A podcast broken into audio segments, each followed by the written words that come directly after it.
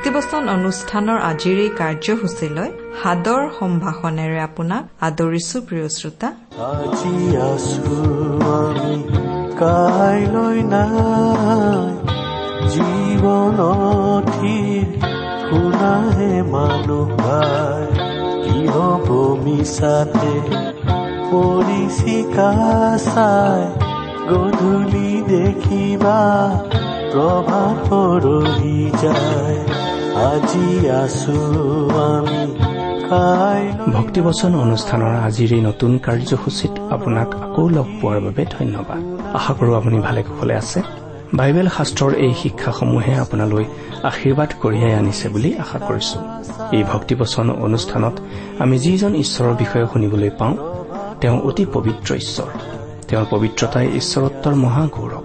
তেওঁ কেৱল নিজেই পবিত্ৰ এনে নহয় তেওঁ মানুহকো পবিত্ৰ হবলৈ সহায় কৰে।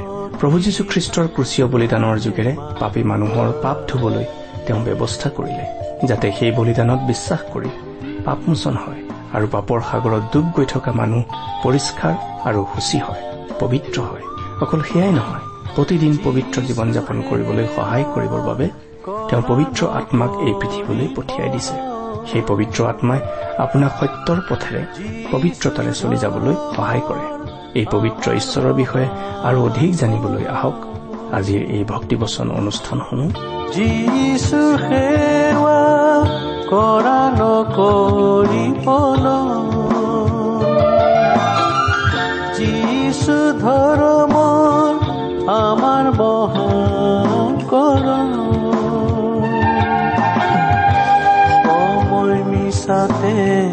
নকৰিবা ক্ষয় যিছুৰ সেৱাৰ এই সময়। আজি আছো আমি কাইলৈ নাই। জীৱনথি শুনাহে মানুহ কি হ'ব মিছাতে? পৰিচিকা চাই গধূলি দেখিবা। প্ৰভাত পৰহি যায়। আজি আছো আমি কাইলৈ নাই। জীৱনথিৰ শুনাহে মানুহ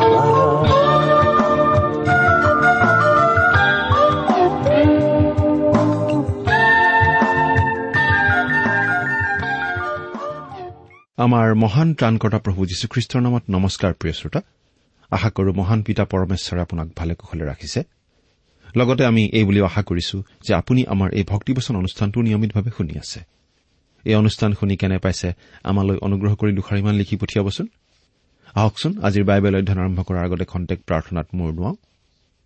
হে আমাৰ স্বৰ্গত থকা মহান পিতৃ ঈশ্বৰ তোমাক ধন্যবাদ দিছো কাৰণ তুমি আমাক আকৌ এটা নতুন দিন দেখিবলৈ দিছা আৰু তোমাৰ বাক্য অধ্যয়ন কৰিবলৈ আমাক আকৌ এটা সুযোগ দান কৰিছা। প্ৰভু তোমাৰ বাক্য তুমিয়েই আমাক বুজাই দিয়া। এই অনুষ্ঠানৰ আৰম্ভণিৰ পৰা শেষলৈকে তুমিয়েই আমাৰ চলাওঁতা হোৱা। কিয়নো এই প্ৰাৰ্থনা আমাৰ পাপৰ প্ৰায়চিত্ৰ কৰিবলৈ ক্ৰুচত প্ৰাণ দি তৃতীয় দিনা পুনৰ জি উঠি এতিয়া স্বৰ্গত আমাৰ বাবে নিবেদন কৰি থকা ত্ৰাণকৰ্তা প্ৰভু যীশুখ্ৰীষ্টৰ নামত আগবঢ়াইছো।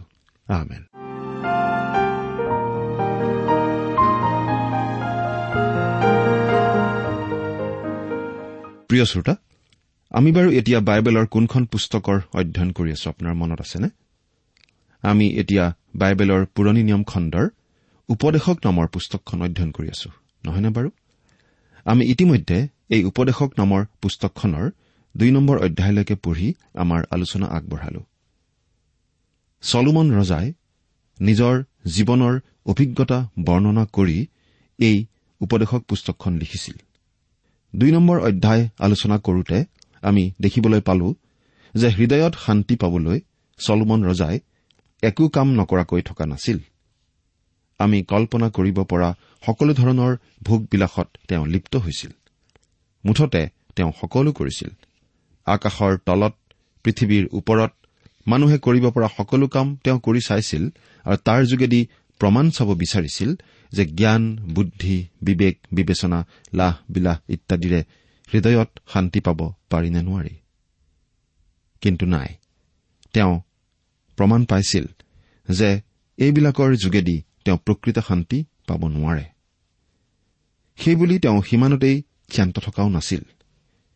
হৃদয়ক শান্তি দিবলৈ তেওঁ আৰু কিছুমান কাম কৰি চাইছিল। তাৰ ভিতৰত এটা আমি আজি আলোচনা কৰিম।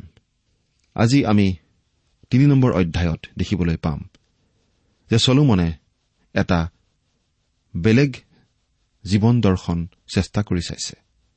আৰু এই জীৱন দৰ্শনটোক আমি ভাগ্যবাদ বুলি ক'ব পাৰোঁ। ইংৰাজীত ফেটেলিজিম। এইটো অনা যিহুদী লোকসকলৰ মাজত প্ৰচলিত এটা দৰ্শন। ভাগ্যক বিশ্বাস কৰা। ইছৰাইল দেশৰ চাৰিওপিনে এনে দৰ্শনত বিশ্বাস কৰা বিভিন্ন জাতিবোৰ আছিল। এই জীৱন দৰ্শন আজিও আছে। আজিও বহুতো মানুহে জীৱনটো এনেদৰেই গ্ৰহণ কৰে। ভাগ্যক ধিয়াই মানুহে জীয়াই থাকে। বহুতো লোকে ঈশ্বৰত বিশ্বাস কৰা বুলি কয় কিন্তু আচলতে তেওঁলোকে ভাগ্যতহে ভৰসা কৰে।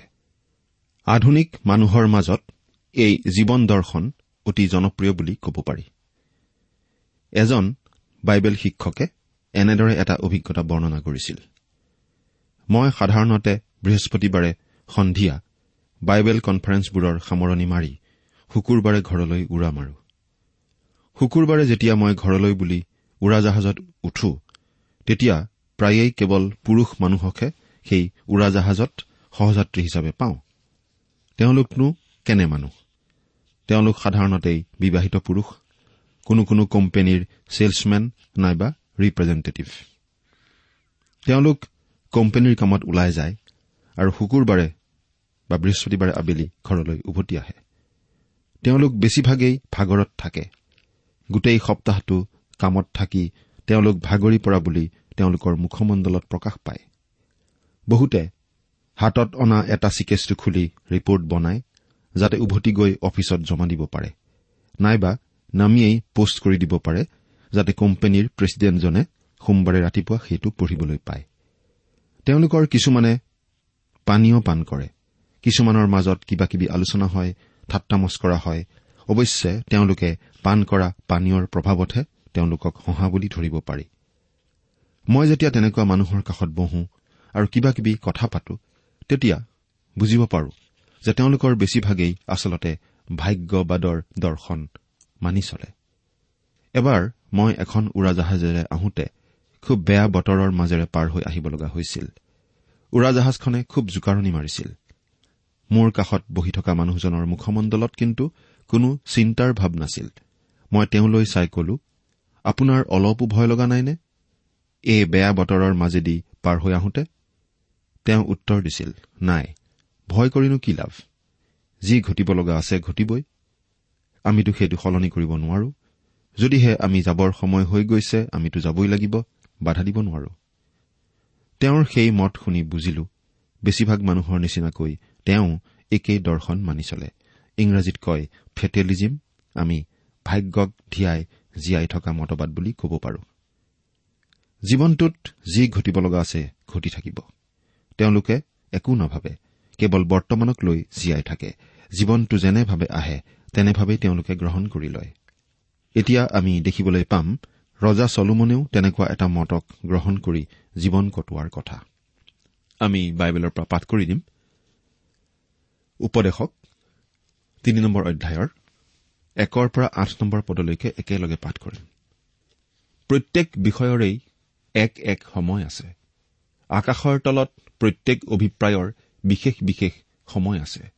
জন্মিবৰ সময় আৰু মৰিবৰ সময় ৰুবৰ সময় আৰু ৰোৱা উঘালিবৰ সময় বধ কৰিবৰ সময় আৰু সুস্থ কৰিবৰ সময় ভাঙিবৰ সময় আৰু সাজিবৰ সময় কান্দিবৰ সময় আৰু হাঁহিবৰ সময় বিলাপ কৰিবৰ সময় আৰু নাচিবৰ সময় শিল দলিয়াই পেলাবৰ সময় আৰু শিল গোটাবৰ সময় আঁকোৱালি ধৰাৰ সময় আৰু আঁকোৱালি ধৰাৰ পৰা আঁতৰি থাকিবৰ সময় বিচাৰিবৰ সময় আৰু হেৰুৱাবৰ সময় ৰাখিবৰ সময় আৰু পেলাবৰ সময় ফালিবৰ সময় আৰু শিয়াবৰ সময় নিমাতে থাকিবৰ সময় আৰু কথা কবৰ সময় প্ৰেম কৰিবৰ সময় আৰু ঘীন কৰিবৰ সময় ৰণৰ সময় আৰু শান্তিৰ সময় আছে। প্ৰত্যেক বিষয়ৰেই এক এক সময় আছে। আকাশৰ তলত প্ৰত্যেক অভিপ্ৰায়ৰ বিশেষ সময় আছে। জন্মিবৰ সময় আৰু মৰিবৰ সময় ৰুবৰ সময় ৰোৱা উঘালিবৰ সময় বধ কৰিবৰ সময় সুস্থ কৰিবৰ সময় ইত্যাদি ইত্যাদি। এইখিনি কথা আমি চলোমনৰ মুখেৰে শুনিলো। এই কথাও একেবাৰে সঁচা যে প্ৰতিটো কাম বা ঘটনাৰে একো একোটি বিশেষ সময় থাকে। আৰু সময়ৰ হাতত নিজকে এৰি দিয়া মানুহ আজি আমাৰ মাজত অনেক আছে। চলোমন ৰজায়ো সময়ৰ হাতত নিজকে এৰি দিছিল। কোনো কাম বা ঘটনালৈ তেওঁ চিন্তা কৰা নাছিল। অৰ্থাৎ সন্মুখত যি আহিছিল তাকেই কৰিছিল। ঈশ্বৰ বা পাপ পুণ্য বিচাৰ কৰি তেওঁ চোৱা নাছিল। উদাহৰণস্বৰূপে আজিকালিও এনেকুৱা মানুহ আছে আৰু এনেদৰেই তেওঁলোকে জীৱন কটাই থাকে। ৰজা চলোমনেও হৃদয়ক পৰীক্ষা কৰি চাবলৈ এইদৰে কৰি চাইছিল। কিন্তু নাই তেওঁ হৃদয়ত শান্তি পোৱা নাছিল আৰু ইও অসাৰ বুলি তেওঁ বুজি পাইছিল। সেইকাৰণে ন নম্বৰ পদত তেওঁ এইদৰে কৈছে কাম কৰা মানুহে যি পৰিশ্ৰম কৰে তাতে তাৰ কি লাভ? প্ৰিয় শ্ৰোতা সময়ৰ হাতত নিজকে এৰি দি যেতিয়া যি আহে তাকে কৰিও যদি হৃদয়ক সন্তুষ্ট কৰিব নোৱাৰি তেন্তে উপায়নো কি? চলোমনে ইয়াৰ উত্তৰ পাছত অতি সুন্দৰকৈ আমাক বুজাই দিব। তথাপিতো বাইবেলে কৈছে যে ঈশ্বৰৰ ধাৰ্মিকতা আৰু স্বৰ্গৰাজ্য বিচৰাই হল মনুষ্য জাতিৰ কাৰণে প্ৰথম আৰু প্ৰধান কাম। এই দুয়োটা আমি প্ৰভু যীশুখ্ৰীষ্টৰ যোগেদি পাব পাৰো। আমি যদি প্ৰভু যীশুখ্ৰীষ্টক পৰিত্ৰাতা প্ৰভুৰূপে বিশ্বাসেৰে গ্ৰহণ কৰো তেন্তে আমাৰ হৃদয় নিশ্চয় সন্তুষ্ট হ'ব। কাৰণ তেওঁৰ প্ৰেম হৃদয়ৰ হাবিয়াসতকৈ বহুত বেছি বিশাল। আপোনাৰ হৃদয়ত যদি শান্তি নাই তেন্তে প্ৰভু যীশুত সেই শান্তি বিচাৰি পাব। আপুনি নিশ্চয় তেওঁত শান্তি পাবই। প্ৰিয় শ্ৰোতা এতিয়া আমি বিশেষভাৱে জানিব পাৰিছো যে চলোমনে ঈশ্বৰৰ পৰা বিশেষ আশীৰ্বাদ পোৱা লোক আছিল যদিও তেওঁ ঈশ্বৰৰ পৰা আঁতৰি আহি বিভিন্ন ধৰণে পৰীক্ষা কৰি চলাইছিল তেওঁৰ নিজৰ জীৱনক লৈ। ঈশ্বৰৰ প্ৰজ্ঞা তেওঁৰ লগত আছিল। জ্ঞান বুদ্ধি বিবেক বিবেচনা বিজ্ঞান দৰ্শন সাহিত্য ইত্যাদিত তেওঁ অতি নিপুণ আছিল। আটাইতকৈ ডাঙৰ কথা যে তেওঁ ঈশ্বৰক বিশ্বাসো কৰিছিল আৰু সেইকাৰণে তেওঁৰ হৃদয়ত শান্তিও আচলতে তেওঁ পাইছিল। কিন্তু আপোনাৰ আৰু মোৰ দৰে নিৰ্বোধ মানুহবিলাকে আজি কি কৰিছো? নিজৰ জ্ঞান বুদ্ধি কৰ্ম চেষ্টা আদিৰে জাগতিক বয় বস্তু ধন সম্পত্তি সুখ সম্ভোগ ইত্যাদিৰে হৃদয়ক সন্তুষ্ট কৰিবলৈ চেষ্টা কৰা নাইনে? চেষ্টা কৰি আছো কিন্তু হৃদয়ক তৃপ্ত কৰিব পৰা নাই আৰু কেতিয়াও আমি নোৱাৰো। কেতিয়াও যে নোৱাৰিম। এই কথাটোকে ঈশ্বৰে আমাক চলোমনৰ বিভিন্ন পৰীক্ষা নিৰীক্ষা আৰু অভিজ্ঞতাৰ যোগেদি আমাক জানিবলৈ দিছে। তাৰমানে আমি হৃদয়ক তৃপ্ত কৰিবলৈ চেষ্টা কৰি মৰিচিকা খেদি খেদি ভাগৰি নপৰো বৰং যিহৰ দ্বাৰা হৃদয় তৃপ্ত হয় সেই আম্মিক জল যেন পাণ কৰিব পাৰো আৰু জীৱনত মহাবিশ্ৰাম যেন লাভ কৰিব পাৰো এইকাৰণে ঈশ্বৰে আমাক শিক্ষা দিছে। সেই আম্মিক জল হৈছে স্বয়ং প্ৰভু যীশুখ্ৰীষ্ট। তেওঁৱেই দিয়া জল যদি এবাৰ পাণ কৰো তেন্তে আমাৰ হৃদয় তৃপ্ত হ'ব। আমাৰ আৰু কেতিয়াও পিয়াহ নালাগিব। যীশুখ্ৰীষ্টৰ বাহিৰে যে আকাশ আৰু সূৰ্যৰ তলত থকা একো বস্তুৱেই হৃদয়ত শান্তি দিব নোৱাৰে। একোৱেই হৃদয় তৃপ্ত কৰিব নোৱাৰে। এইটো প্ৰমাণ কৰিবলৈকে চলোমনে আগতে ইমানবোৰ পৰীক্ষা কৰা আমি শুনি আহিলো। কিন্তু তেওঁ পৰীক্ষা কৰি কৰি এতিয়াও শেষ কৰা নাই। তেওঁৰ পৰীক্ষা চলিয়েই আছে। আমি ইতিমধ্যে পালো যে তেওঁ ভাগ্য আৰু সময়ৰ হাতত নিজকে এৰি দিও চাইছিল। আৰু আমি এতিয়া তাৰ পিছৰ কথাখিনি চাব খুজিছো। সেইটো হৈছে তেওঁ গৰ্বী অহংকাৰী আৰু দাম্ভিক হৈ হৃদয়ক সন্তুষ্ট কৰিবলৈ চেষ্টা কৰিছিল। তাৰ ফলাফলো আজিয়েই আমি জানিব পাৰিম। এতিয়া সময়ৰ হাতত নিজকে এৰি দিয়াৰ বিষয়ে আমি দহ আৰু এঘাৰ নম্বৰ পদ দুটা পাঠ কৰিছো। শুনকচোন। মনুষ্য সন্তানবিলাক পৰিশ্ৰমী হবৰ নিমিত্তে ঈশ্বৰে যি ব্যৱসায় সিবিলাকক দিছে তাক মই দেখিলো। তেওঁ সকলোকেই নিজ নিজ কালত সুন্দৰ কৰিছে আৰু তেওঁবিলাকৰ হৃদয়ত অনন্ত কালো ৰাখিছে। তথাপি এনেকৈ ৰাখিছে যে আদিৰ পৰা অন্তলৈকে ঈশ্বৰে কৰা কাৰ্যৰ তত্ব কোনেও পাব নোৱাৰে। প্ৰিয় শ্ৰোতা ঈশ্বৰে জগতখনক অতি সুন্দৰ কৰিছে আৰু জগতৰ সুন্দৰতাত আসক্ত হৈ মানুহক নানা ৰকমৰ দুখজনক কাৰ্যত লিপ্ত হবলৈ দিছে। কিন্তু এইবিলাকৰ যোগেদি যে হৃদয় তৃপ্ত নহয় এইটো মানুহে সহজে উপলব্ধি কৰিবও নোৱাৰে। আনহাতে যীশুখ্ৰীষ্টৰ যোগেদি হৃদয়ক তৃপ্ত কৰিব পৰা যি নিগৃঢ় তত্ব ঈশ্বৰে প্ৰকাশ কৰিলে তাক মানুহে দেখিও নেদেখে শুনিও নুশুনে বুজিও নুবুজে। মানুহে জাগতিক উত্থান পতনক সৌভাগ্য আৰু দুৰ্ভাগ্য নাম দি আহিছে। মই জানো যে মানুহ জীয়াই থকা কাললৈকে আনন্দ আৰু সৎকৰ্ম কৰাতকৈ তাৰ পক্ষে আৰু কোনো উত্তম নাই। আজিৰ মানুহৰ দৰে চলোমনে বহুতো ভাল ভাল কামো কৰি চাইছিল। আৰু সেইবোৰত তেওঁ হয়তো আনন্দ পাইছিল। কিন্তু হৃদয় তৃপ্ত হোৱা নাছিল। কাৰণ আনন্দ আৰু হৃদয়ৰ তৃপ্তি দুটা সম্পূৰ্ণ বেলেগ বস্তু। আৰু প্ৰত্যেক মানুহে যে ভোজন পান আৰু তেওঁৰ সকলো পৰিশ্ৰমত সুখ ভোগ কৰে ইও ঈশ্বৰৰ দান। আমি উপভোগ কৰা বস্তুবিলাক ঈশ্বৰৰ দান। আমি পৰিশ্ৰম কৰি তাক উপাৰ্জন কৰি উপভোগ কৰিছো তাত একো ভুল নাই। কিন্তু এইবিলাকে আমাৰ হৃদয়ক কেতিয়াও সন্তুষ্ট কৰিব নোৱাৰে। মই জানো যে ঈশ্বৰে যি যি কৰে সেই সকলো চিৰস্থায়ী তাক বঢ়াবও নোৱাৰি কমাবও নোৱাৰি আৰু তেওঁ সাক্ষাতে যেন মানুহবিলাকে ভয় কৰে সেই নিমিত্তেই ঈশ্বৰে তাক তেনে কৰে। প্ৰিয় শ্ৰোতা সময়ৰ হাতত সোধাই দিয়া মানুহে সততে কয় ঈশ্বৰৰ যি ইচ্ছা সেয়ে হ'ব। মানুহে চেষ্টা কৰিলে কি হ'ব? এইদৰে ভাগ্যৰ হাতত নিজকে এৰি দিয়ে। কিন্তু ঈশ্বৰ যে দয়ালু আৰু অনুগ্ৰহশীল সেই কথাটো তেওঁলোকে চিন্তাই নকৰে। সেইকাৰণে হৃদয়ত শান্তিও নাপায়। ষোল্ল নম্বৰ পদ। তাত বাজে মই সূৰ্যৰ তলত বিচাৰ স্থানত দেখিলো যে তাত দুষ্টতা আছে আৰু ধাৰ্মিকতা স্থানত দেখিলো যে তাতো দুষ্টতা আছে। প্ৰিয় শ্ৰোতা চলোমনে অভিজ্ঞতাৰ দ্বাৰাই প্ৰমাণ কৰিহে কৈছে যে বিচাৰৰ ঠাইবোৰত অন্যায় আছে আৰু ধৰ্মৰ নামত দুৰ্নীতি আছে। এই কথা আজিও সঁচা হৈ আছে। আদালতেই হওক বা বিভিন্ন ধৰ্মীয় ব্যৱস্থাই হওক দুষ্টতা সকলোতেই আছে। কাৰণ মানুহ জাতিটোৱেই পাপী দুষ্ট। সোতৰ আৰু ওঠৰ নম্বৰ পদ। মই মনতে কলো ঈশ্বৰেই ধাৰ্মিকৰ আৰু দুষ্টৰ বিচাৰ কৰিব কিয়নো তাত প্ৰত্যেক অভিপ্ৰায়ৰ নিমিত্তে আৰু প্ৰত্যেক কৰ্মৰ নিমিত্তে এক এক সময় আছে। মই মনতে কলো যে ঈশ্বৰে যেন মনুষ্য সন্তানবিলাকক পৰীক্ষা কৰে আৰু তেওঁবিলাক যে নিজেই পশুতুল্য ইয়াক যেন তেওঁবিলাকে বুজিব পাৰে। এইকাৰণে সেয়ে তেওঁবিলাকৰ নিমিত্তে হৈছে। ঈশ্বৰৰ নিৰূপিত সময়মতে আমাৰ জন্ম হৈছে মৃত্যুও হ'ব আৰু নিৰূপিত সময়ত তেওঁ সকলোৰে সোধ বিচাৰ কৰিব। এই কথা আপুনি বিশ্বাস কৰক বা নকৰক আপুনি যদি এদিন মৰিব বুলি জানে তেন্তে সুধবিচাৰ যে হ'ব তাক আজিয়েই জানি থওক। কিন্তু মানুহবিলাক পশুতুল্য বুলি কিয় কলে? ইয়াৰ উত্তৰটো আমি ঊনৈশ আৰু বিশ নম্বৰ পদত পাওঁ নেকি? চাওঁ আহকচোন। কিয়নো মনুষ্য সন্তানবিলাকলৈ যি যি ঘটে সেয়ে পশুলৈকো ঘটে।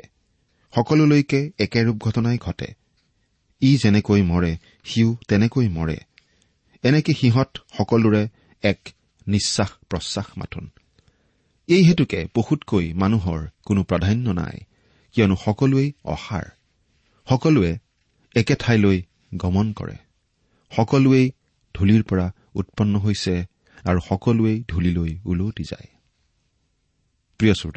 মনত ৰাখিব যে বহুতো দেৱপূজক মানুহে এই পদ দুটিৰ ব্যাখ্যা অন্য ধৰণে দাঙি ধৰি আহিছে। কিন্তু ইয়াত সূৰ্যৰ তলত নিজৰ স্বাৰ্থৰ বাবে জীয়াই থকা মানুহৰ কথাহে কোৱা হৈছে। এয়া মানুহৰহে মতবাদ। নিজৰ জীৱনৰ কাৰণে আনন্দৰ কাৰণে আৰু সুনাম যশস্যাৰ কাৰণে বহুতো মানুহে একো একোটা বিশেষ কামৰ কাৰণে সাধনা কৰে। এইটো নিশ্চয় ভাল কথা। উদাহৰণস্বৰূপে মানুহে বিখ্যাত খেলুৱৈ ক্ৰীড়াবিদ শিল্পী গায়ক গায়িকা খনিকৰ ইত্যাদি হবৰ বাবে গোটেই জীৱনজুৰি সাধনা কৰে। ই নিশ্চয় বৰ ভাল কথা। কাৰণ ই মনৰ উচ্চ আকাংক্ষা পূৰণ কৰে। তথাপিতো ইয়াক স্বাৰ্থপৰ বুলিয়েই ক'ব লাগিব। যদিহে নিজৰ কাৰণে কৰা হয়। সেইকাৰণে আশাবাদী মানুহে মানুহ আৰু পশু একে বুলি কোৱা সিদ্ধান্তটো মানি নলয়। কিন্তু আপুনি জানে যে জীৱৰ ক্ৰমবিকাশ তত্ব মতে মানুহ আগতে পশু আছিল বুলি তেওঁলোকে বিশ্বাস কৰে। এতিয়াহে পশুৰ পৰা মানুহ হৈছে বুলি এই তত্ব বিশ্বাস কৰা মানুহে ভাবে। দাম্ভিক বা গৰ্বী বা অহংকাৰী বা স্বাৰ্থপৰতাই কয় যে মানুহ পশু। এই তত্বটোৰ মতে মানুহে আনক হেজ্ঞান কৰে। এই দৰ্শনটোৱে আমাৰ দেশত জাতিভেদৰো সৃষ্টি কৰিছে আৰু পৃথিৱীৰ আন আন দেশতো মানুহৰ শ্ৰেণী বিভাজন কৰিছে। আনতকৈ মই ভাল আৰু অসাৰতা ভাৱৰ কাৰণ হ'ল অহংকাৰ আৰু স্বাৰ্থপৰতা। মৃত্যুৰ ক্ষেত্ৰত আকৌ এই দৰ্শনটোৰ এটি নিৰাশাবাদী দৃষ্টিভংগী আছে আৰু সেইটো হৈছে মানুহ পশুৰ দৰে মৰে। মৰা মানুহ মানে তাত একো নাই। সি মৰা জীৱ। আৰু সেইকাৰণে জীয়াই থকা কালত সি নিজৰ কাৰণে জীয়াই থাকি যিমান যি পাৰে নিজৰ কাৰণে কৰি লয়। কাৰণ মৰোতে সি পশুৰ দৰেই মৰিব আৰু এই বুলিয়েই সি আশা কৰে। এই ধৰণৰ শিক্ষাৰেই আজিকালি স্কুল কলেজত মানুহক ল'ৰা ছোৱালীক শিক্ষা দি থকা হৈছে। জীৱৰ ক্ৰমবিকাশ হ'ল শিক্ষাৰ এটি অংশ। পাৰ্থক্য এইটোৱেই যে ক্ৰমবিকাশ তত্বত কোৱা হৈছে মানুহ পশু আছিল আৰু উপদেশক পুস্তকত কোৱা হৈছে মানুহ পশুতুল্য। কিন্তু বাইবেলে আমাক শিকাইছে যে মানুহ পশু নাছিল মানুহক ঈশ্বৰে বিশেষভাৱে সৃষ্টি কৰিছিল। এই পাৰ্থক্যটোৰ বিষয়ে আৰু অলপ চিন্তা কৰোঁ আহক। একেজনী মাকৰ কেইবাটাও মেকুৰী পোৱালি একেলগে থকা আপুনি নিশ্চয় দেখিছে। খেলোতে সিহঁতে একেলগে খেলি থাকে কিন্তু যেতিয়া খাবলৈ দিয়া হয় তেতিয়া ইটোৱে সিটোক ঠেলে ইটোৱে সিটোক খেদে কাজিয়া কৰে। যাৰ বল আছে সিহে বেছিকৈ খাবলৈ পায়। দুৰ্বলটোৱে খাবলৈ নাপায়। মৰি গলেও সিহঁতৰ কোনো চিন্তা বা সহানুভূতি কিন্তু নাই। যদিও সিহঁত একে মাকৰেই সন্তান একে ভাই ভনী কিয় বাৰু সেই সহানুভূতি নাই? কাৰণ দম্ভ গৰ্ব অহংকাৰ আৰু স্বাৰ্থপৰতাই সিহঁতৰ দৰ্শন। চৰাইৰ বাহত থকা পোৱালীবিলাকেও ঠিক একেধৰণৰ ব্যৱহাৰ কৰে। এয়েই হ'ল প্ৰাণীজগতৰ দৃষ্টিভংগী।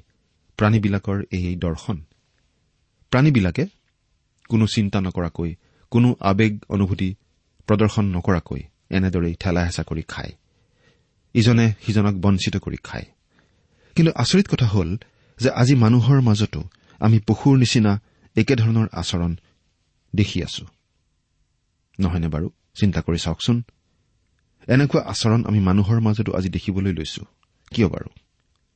কাৰণ আজি স্কুল কলেজত ল'ৰা ছোৱালীক শিকাই থকা হৈছে যে আচলতে মানুহ পশু। পশুৰ পৰাই ক্ৰমবিকাশ হৈ সি মানুহ হৈছে। এনেকুৱা ভুল শিক্ষা ল'ৰা ছোৱালীক দি থকা হৈছে। সেইকাৰণে মানুহ আজি পশুৰ নিচিনা হবলৈ লৈছে। এই কথাটো বাৰু বৰ দুখৰ কথা নহয়নে? এতিয়া আমি একৈশ নম্বৰ পদটো পঢ়ি দিম শুনিবচোন। মনুষ্য সন্তানবিলাকৰ জীৱাত্মাৰ বিষয়ে কোনে জানে? যে সি ঊৰ্ধগামী হয় আৰু পশুৰ জীৱাত্মাৰ বিষয়ে কোনে জানে যে সি পৃথিৱীৰ তললৈ অধুগামী হয়? প্ৰিয় শ্ৰোতা দাৰ্শনিক তত্বই মানুহৰ বিষয়ে যিয়েই নকওক কিয় চলোমনে কিন্তু এই কথা জানিছিল যে মানুহ পশুতকৈ বেলেগ। মানুহৰ আত্মা পশুৰ আত্মাতকৈ বেলেগ। তেওঁ এই কথা জানিছিল যে মৃত্যুৰ পাছত মানুহৰ আত্মা ওপৰলৈ গুচি যায়। কিন্তু মৃত্যুৰ পাছত পশু পক্ষী বা আন জীৱ জন্তুৰ আত্মা তললৈ যায়। অৰ্থাৎ মানুহৰ আত্মা পশুৰ আত্মা বেলেগ। মানুহ আৰু পশু একে বুলি ভবা লোকসকলে এই কথা মনত ৰখা উচিত। এই হেতুকে মই দেখিলো যে মানুহে নিজৰ কৰ্মত আনন্দ কৰাতকৈ কোনো উত্তম নাই। কিয়নো এয়েই তাৰ ভাগ। কাৰণ মনুষ্যৰ মৰণৰ পাছত যি ঘটিব তাক দেখিবলৈ কোনে তাক ওলোটাই আনিব? চিন্তা কৰকচোন প্ৰিয় শ্ৰোতা মৰণৰ পাছত কি ঘটিব? সেই কথা আমি এতিয়া জানিব নোৱাৰো। আৰু মৃত্যু হোৱা মানুহেও সেই কথা আহি আমাক জনাব নোৱাৰে। মৰণৰ পিছত কি আছে মানুহে নিজৰ চেষ্টাৰে জানিব নোৱাৰে। অতীতত হিপ্পীসকলৰ এইটোৱেই দৰ্শন আছিল। বহুত আধুনিক মানুহেও ভাবে যে যি কৰিবলৈ মন যায় এই জীৱনতেই কৰি ল'ব লাগে পাছত আৰু পাবলৈ নাই। আৰু এইধৰণেও চলোমন ৰজাই নিজৰ হৃদয়ক সন্তুষ্ট কৰিব বিচাৰিছিল কিন্তু তেওঁ পৰা নাছিল। চলোমন ৰজাৰ সেই অভিজ্ঞতাৰ পৰাও আমাৰ শিকিবলগীয়া কথা আছে।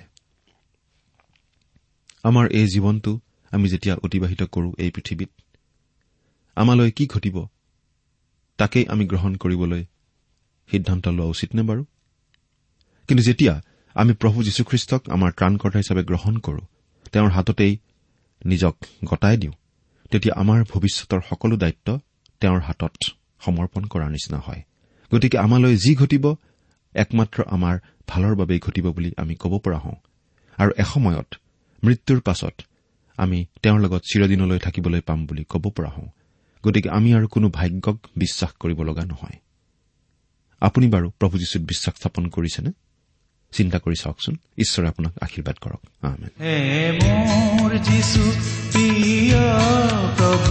আজীবন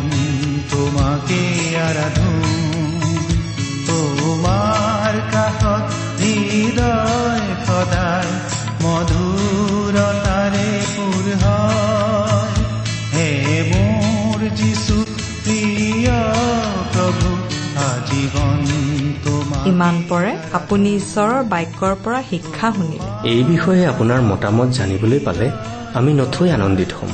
আমি প্ৰস্তুত কৰা বাইবেল অধ্যয়নৰ চিডিসমূহ পাব বিচাৰিলে আৰু অনুষ্ঠানত প্ৰচাৰ কৰা কোনো কথা বুজিব লগা থাকিলেও আমালৈ লিখক আমাৰ যোগাযোগৰ ঠিকনা ভক্তিবচন ট্ৰান্সৱল ৰেডিঅ' ইণ্ডিয়া ডাক বাকচ নম্বৰ সাত শূন্য গুৱাহাটী সাত আঠ এক শূন্য শূন্য এক। ঠিকনাটো আকৌ এবাৰ কৈছো ভক্তিবচন ট্ৰান্সৱল ৰেডিঅ' ইণ্ডিয়া ডাক বাকচ নম্বৰ সাত শূন্য গুৱাহাটী সাত আঠ এক শূন্য শূন্য এক। জীৱন পথ যেতিয়া জীৱন পথ নিসংগতাৰ যেতিয়া হতাশানে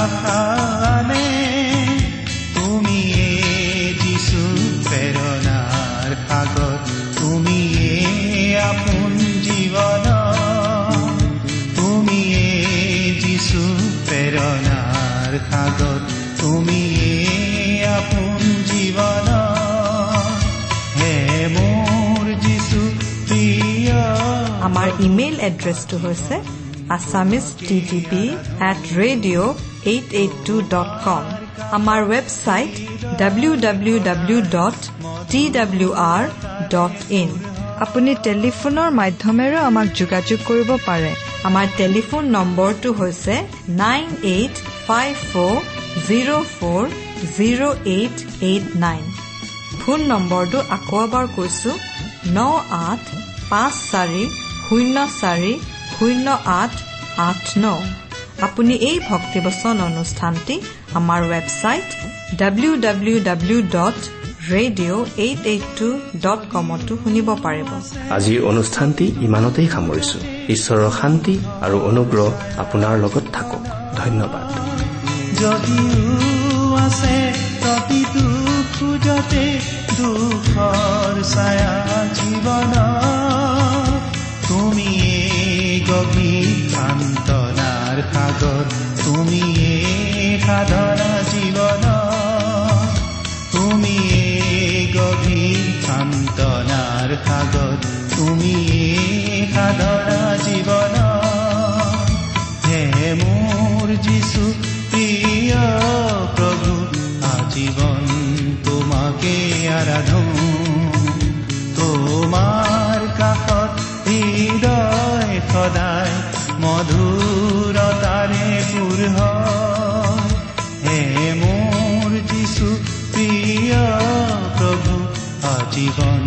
তোমাকে আৰাধো তোমাৰ কাষত হৃদয় সদায় মধুৰতাৰে পুৰ মধুৰতাৰে পুৰ মধুৰতাৰে পুৰ